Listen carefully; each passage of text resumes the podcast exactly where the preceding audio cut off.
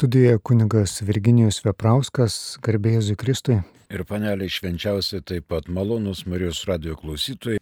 O mes eikime prie tos savo temos gerybių administravimas. Iš eilės 1278 kanonas. Be pareigų nurodytų kanone dieceznis vyskupas gali patikėti ekonomui ir pareigas minimas kitame kanone. Čia apie pareigas ekonomui.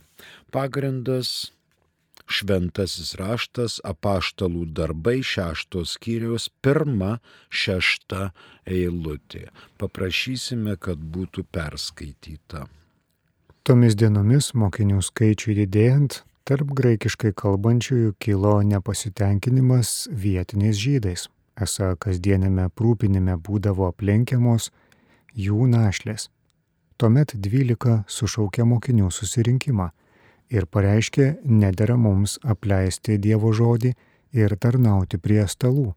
Todėl, broliai, nusižiūrėkite iš savųjų septynis vyrus, turinčius gerą vardą, pilnus dvasios ir išminties. Mes juos paskirsime tam darbui, o patys toliau atsidėsime maldai ir žodžio tarnybai. Šis pasiūlymas patiko visam susirinkimui. Jie išsirinko Steponą, vyrą kupiną tikėjimo ir šventosios dvasios, Pilypą, Prochorą, Nikanorą, Timoną, Parmeną ir Mikalojų, Proselitą iš Antiochijos. Juos pristatė paštalams o šie melsdamėsi uždėjo ant jų rankas.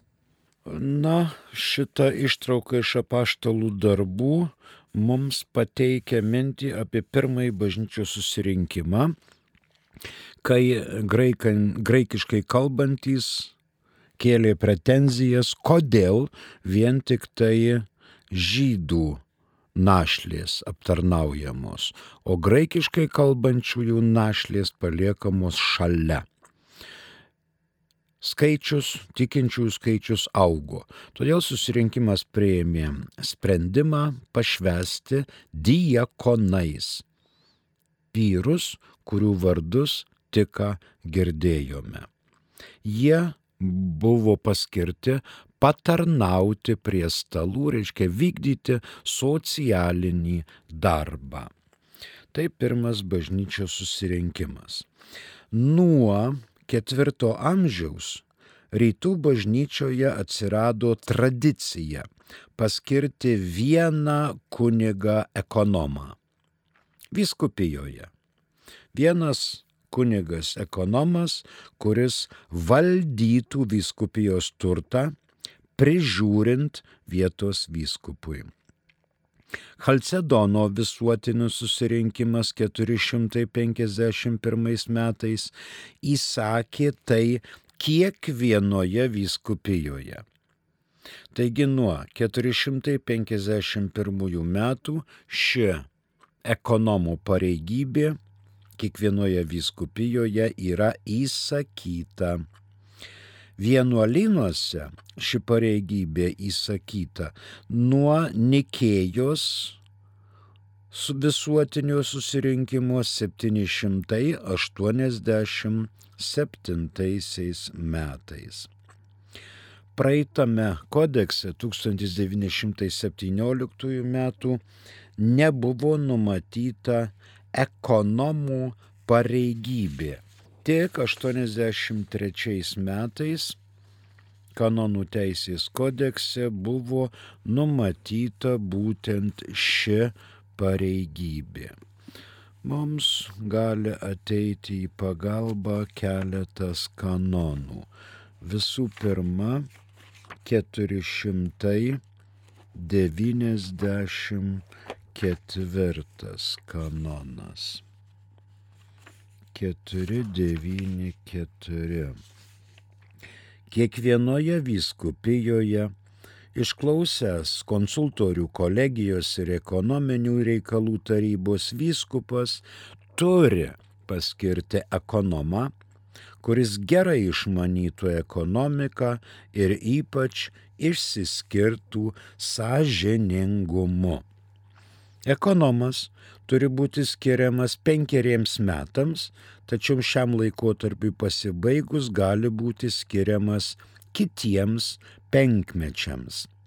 Jam einant pareigas negali būti pašalinamas, nebent dėl svarbios priežasties, kurią turi įvertinti vyskupas, išklausęs konsultorių kolegijos ir ekonominių reikalų tarybos. Ekonomui priklauso, vadovaujant vyskupui, administruoti vyskupijos gerybės, pagal ekonominių reikalų tarybos patvirtintą biudžetą ir iš vyskupijos nustatytų pajamų apmokėti išlaidas, kurias patvirtina vyskupas arba kiti jo teisėtai įgalioti asmenys. Metų pabaigoje ekonomas privalo pristatyti ekonominių reikalų tarybai įplaukų ir išlaidų ataskaitą.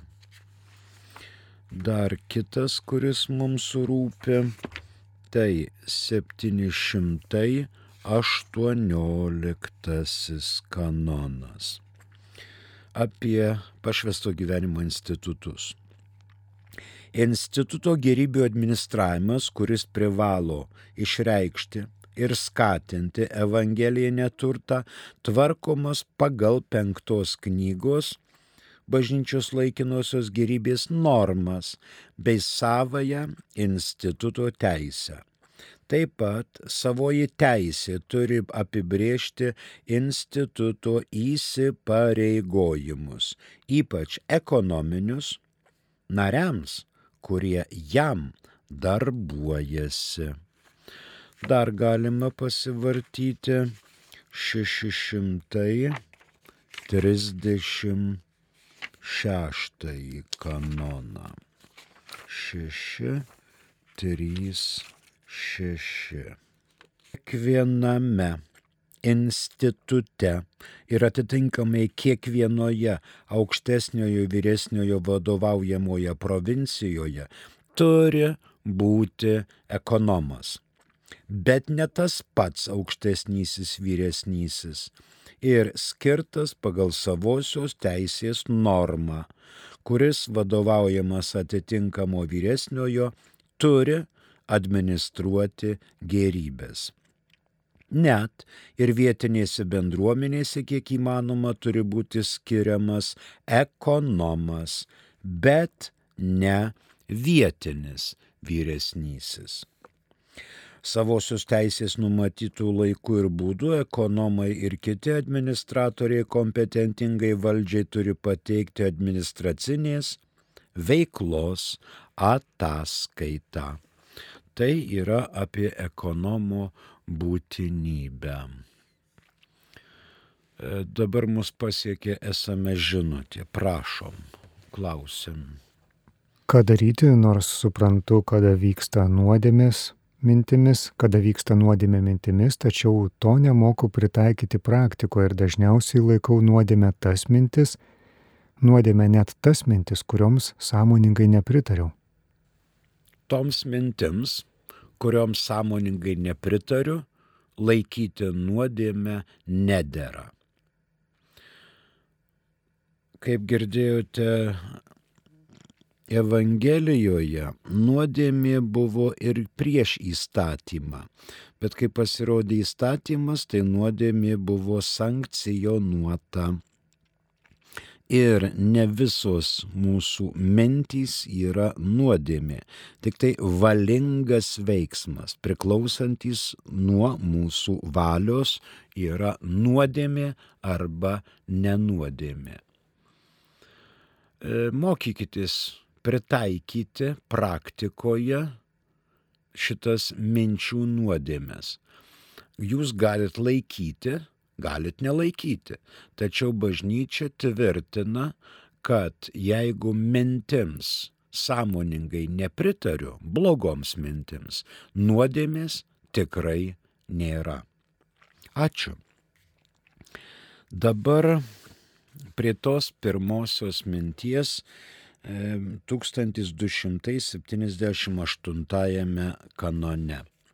Ekonomas valdo vyskupijos turtą, prižiūrimas vietos vyskupo.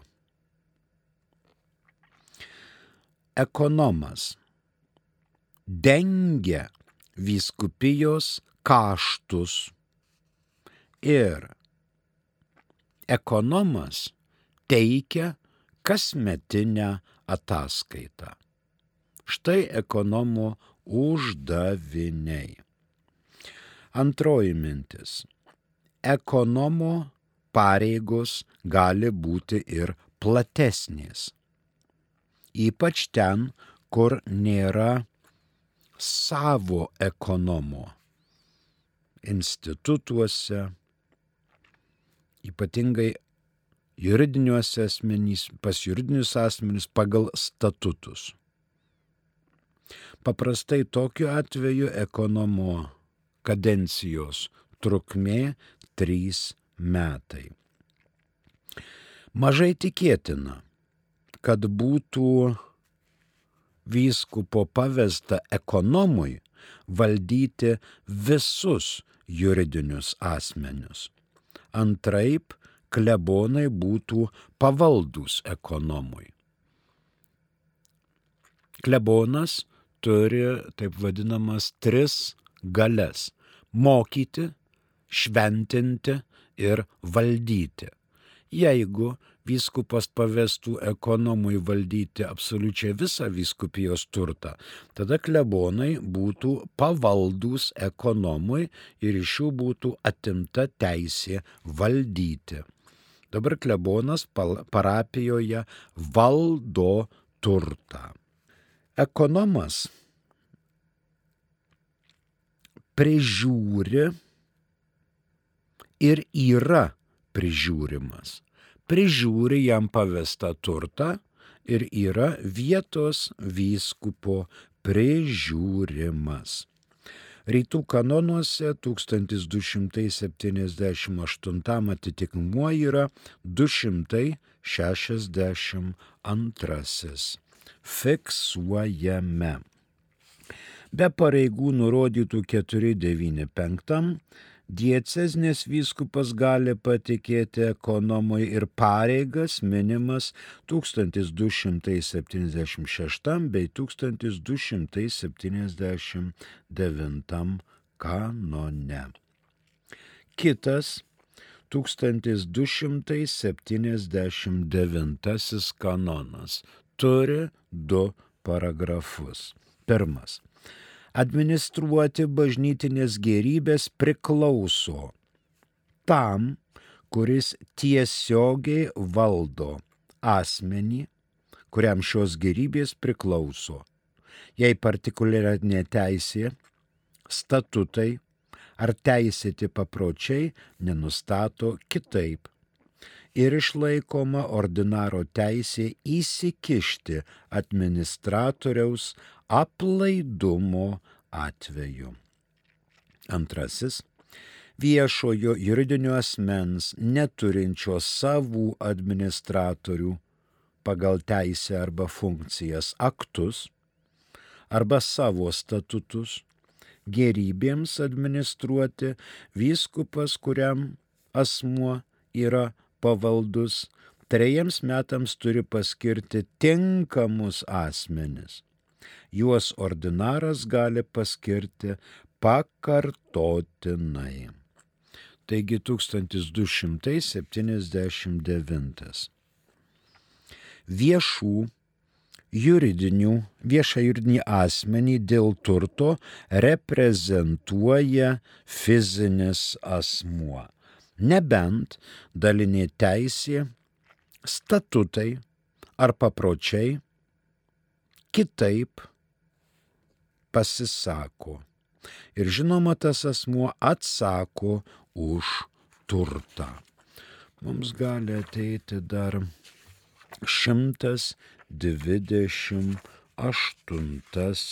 kanonas.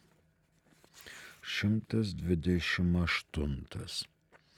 Kas neteisėtai juridiniu aktu ar netgi kokiu kitu aktu atliktų tyčia ar neatsargiai atliktų tyčia ar neatsargiai padaro nuostolį kitam, turi pareigą atlyginti padarytą žalą. Šiuo atveju, jei yra žala, atsako jis kaip ir pašvesto gyvenimo institutuose ir apaštališkojo gyvenimo draugijose. Bet gali būti ir kiti, pavyzdžiui, ekonominių reikalų taryba, kuriai pavesta. Arba ekspertų grupė, kuriai pavesta.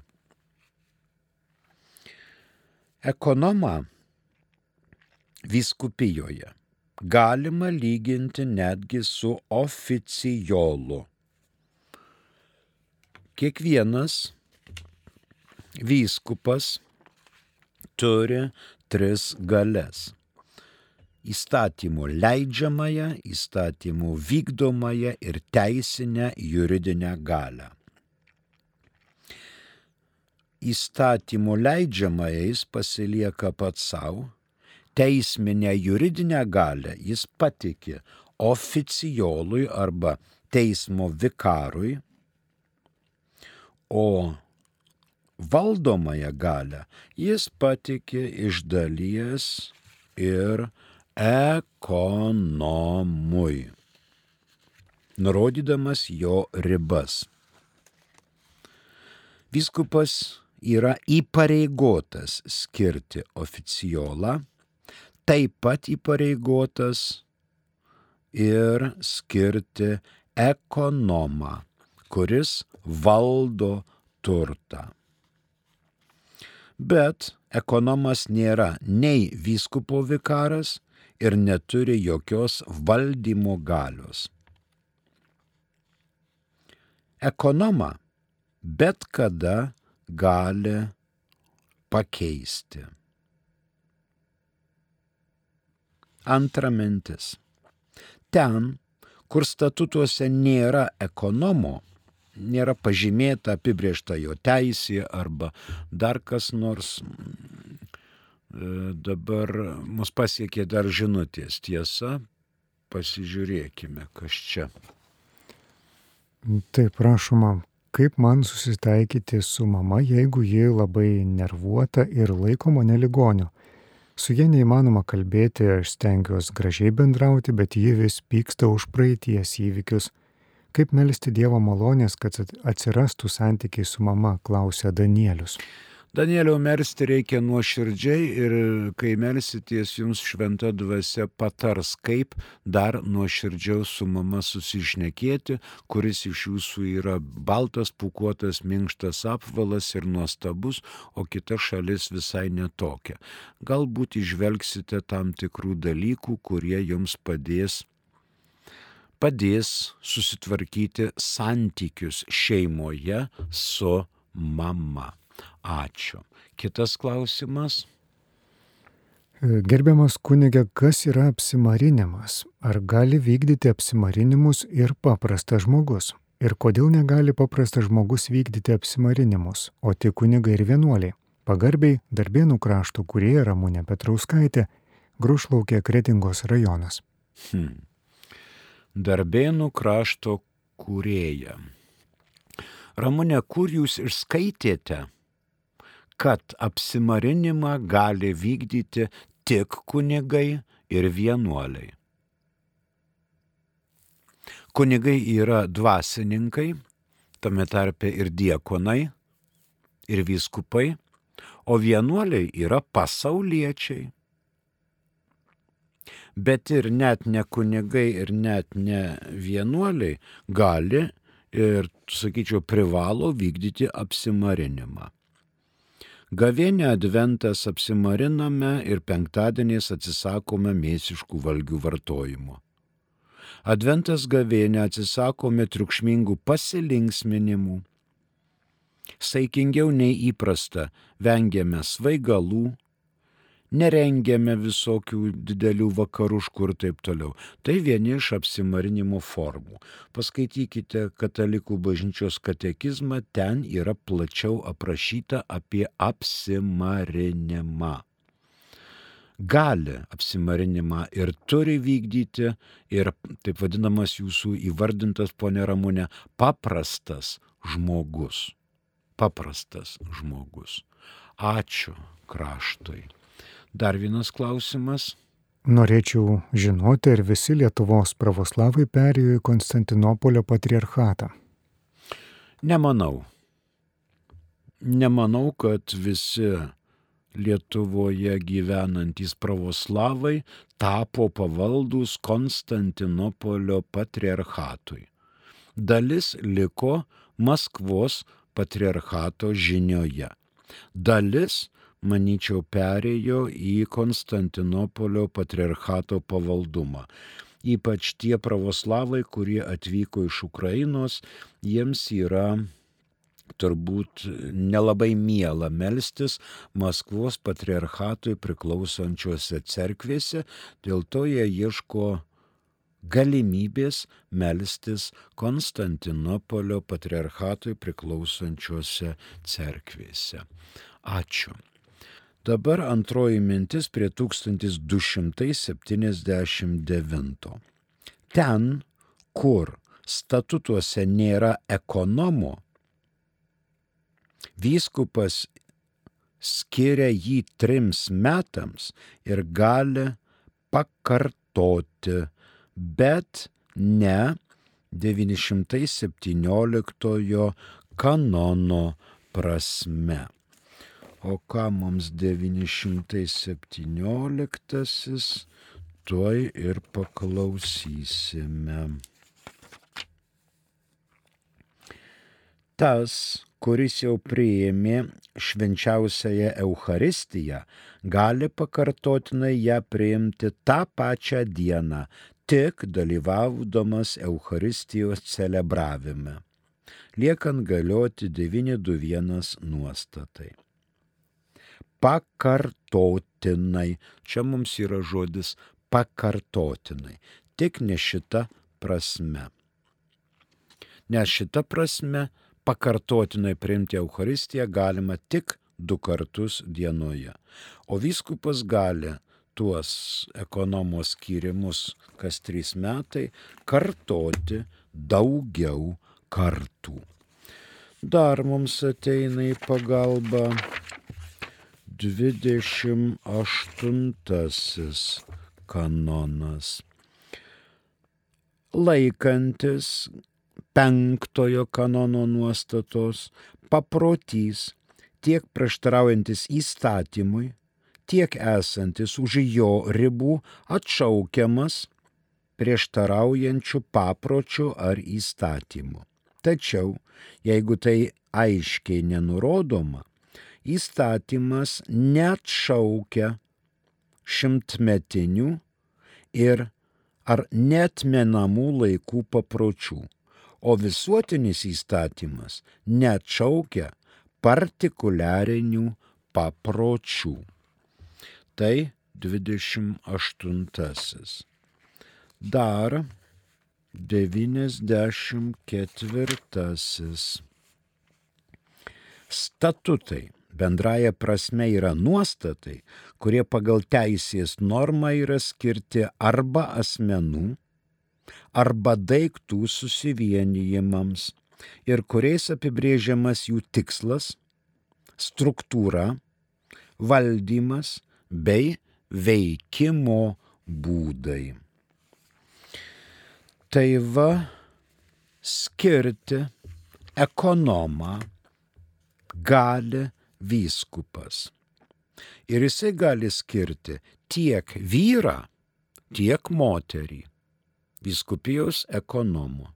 Gali. Nebūtinai kuniga, nebūtinai diakoną, bet gali skirti pasaulietį. Tiek vyrą, tiek moterį.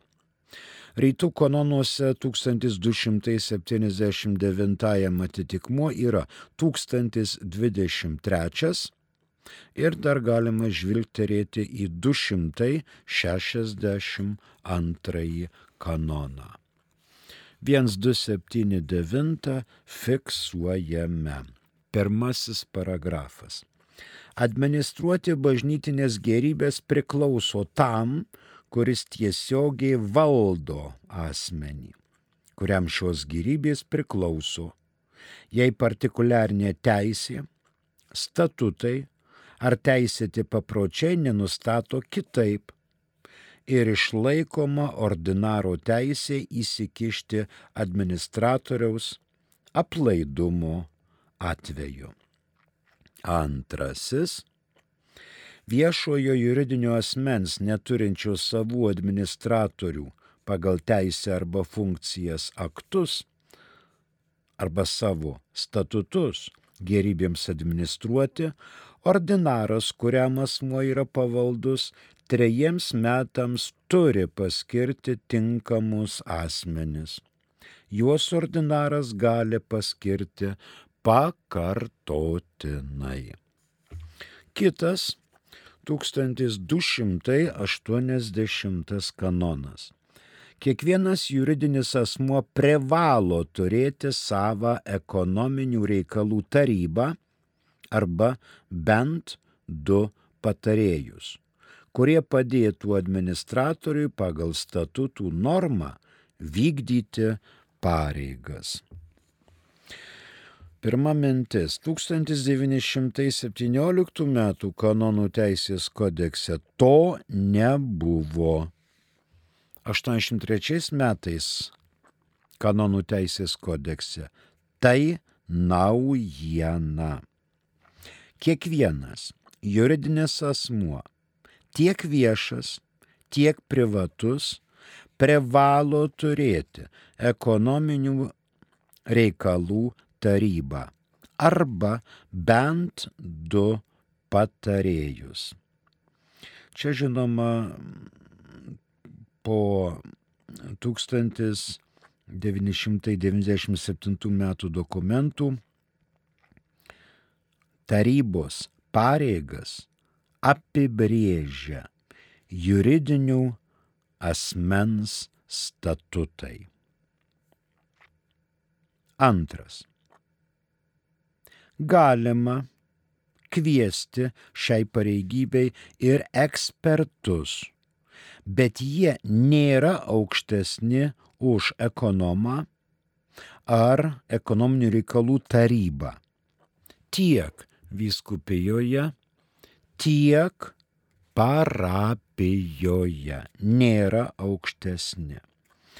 Ir trečia mintis - tiek provincijų, tiek atskirų vienuolinių namai irgi privalo turėti savoją ekonominių reikalų tarybą.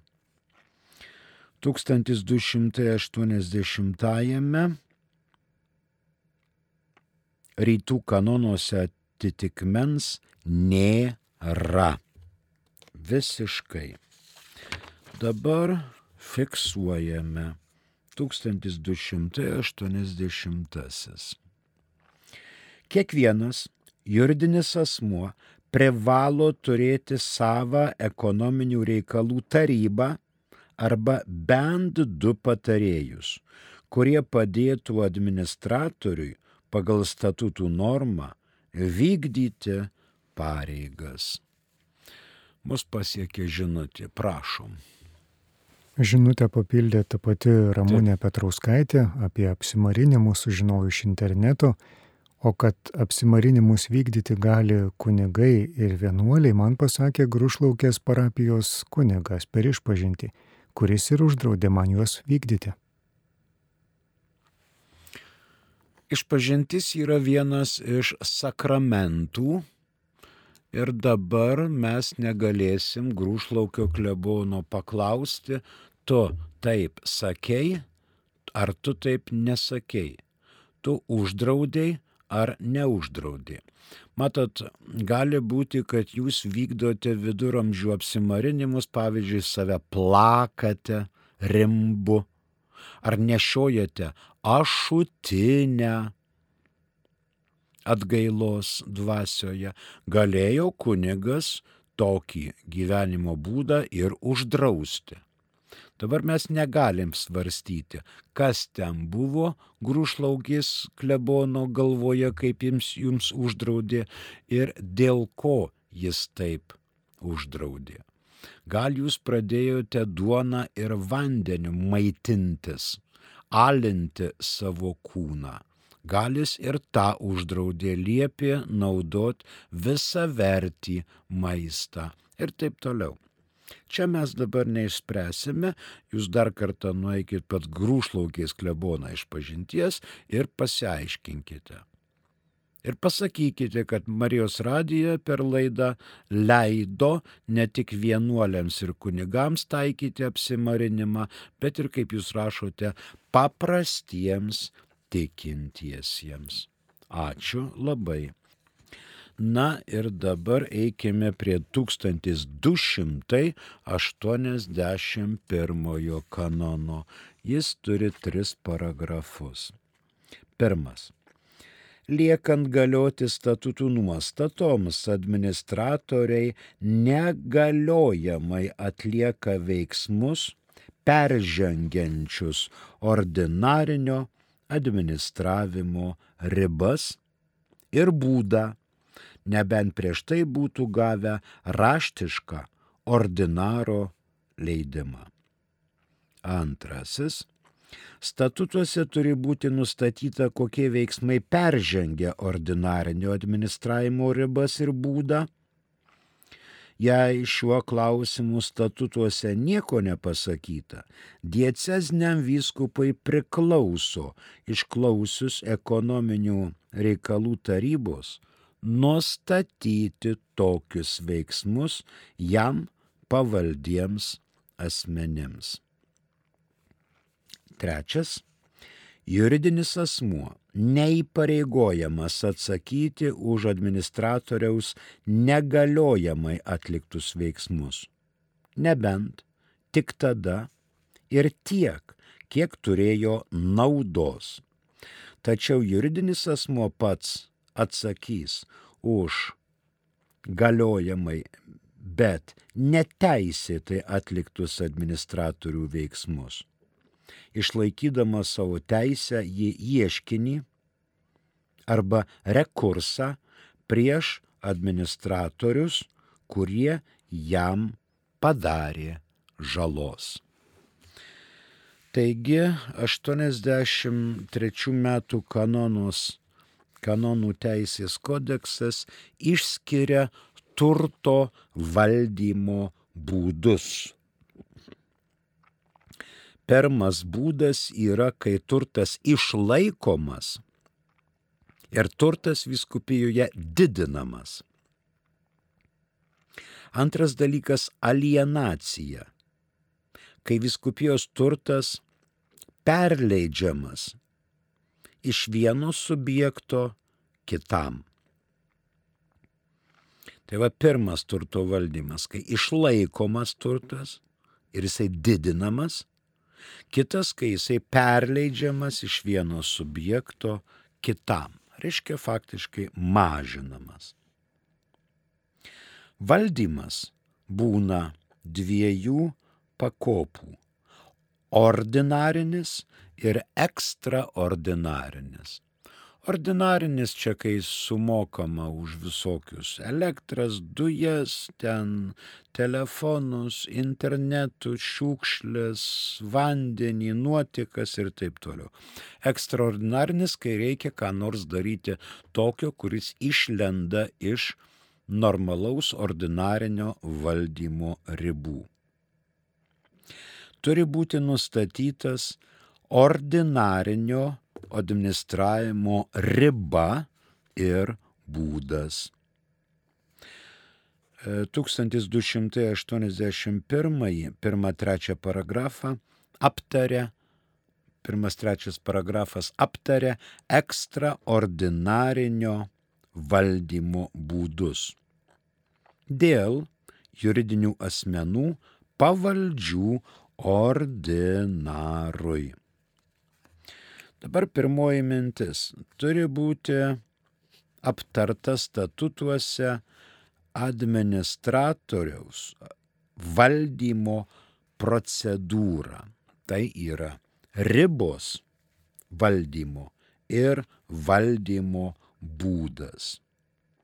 Ir turi būti antroji vietoje padarytas ekstraordinarinio valdymo būdas ir ribos. Ir trečias dalykas - atsakomybė už priimtus sprendimus. Už ką kas atsako, jeigu sprendimai priimti ne tokie, kokie buvo lūkesčiai. Na, o prie tolimesnių minčių, prie 1281 mes grįšime kitoje laidoje. Dabar mūsų laikas išseko. Ačiū už jūsų klausimus. Prie mikrofono dirbo kunigas Virginijus Veprauskas. Ačiū ir sudie.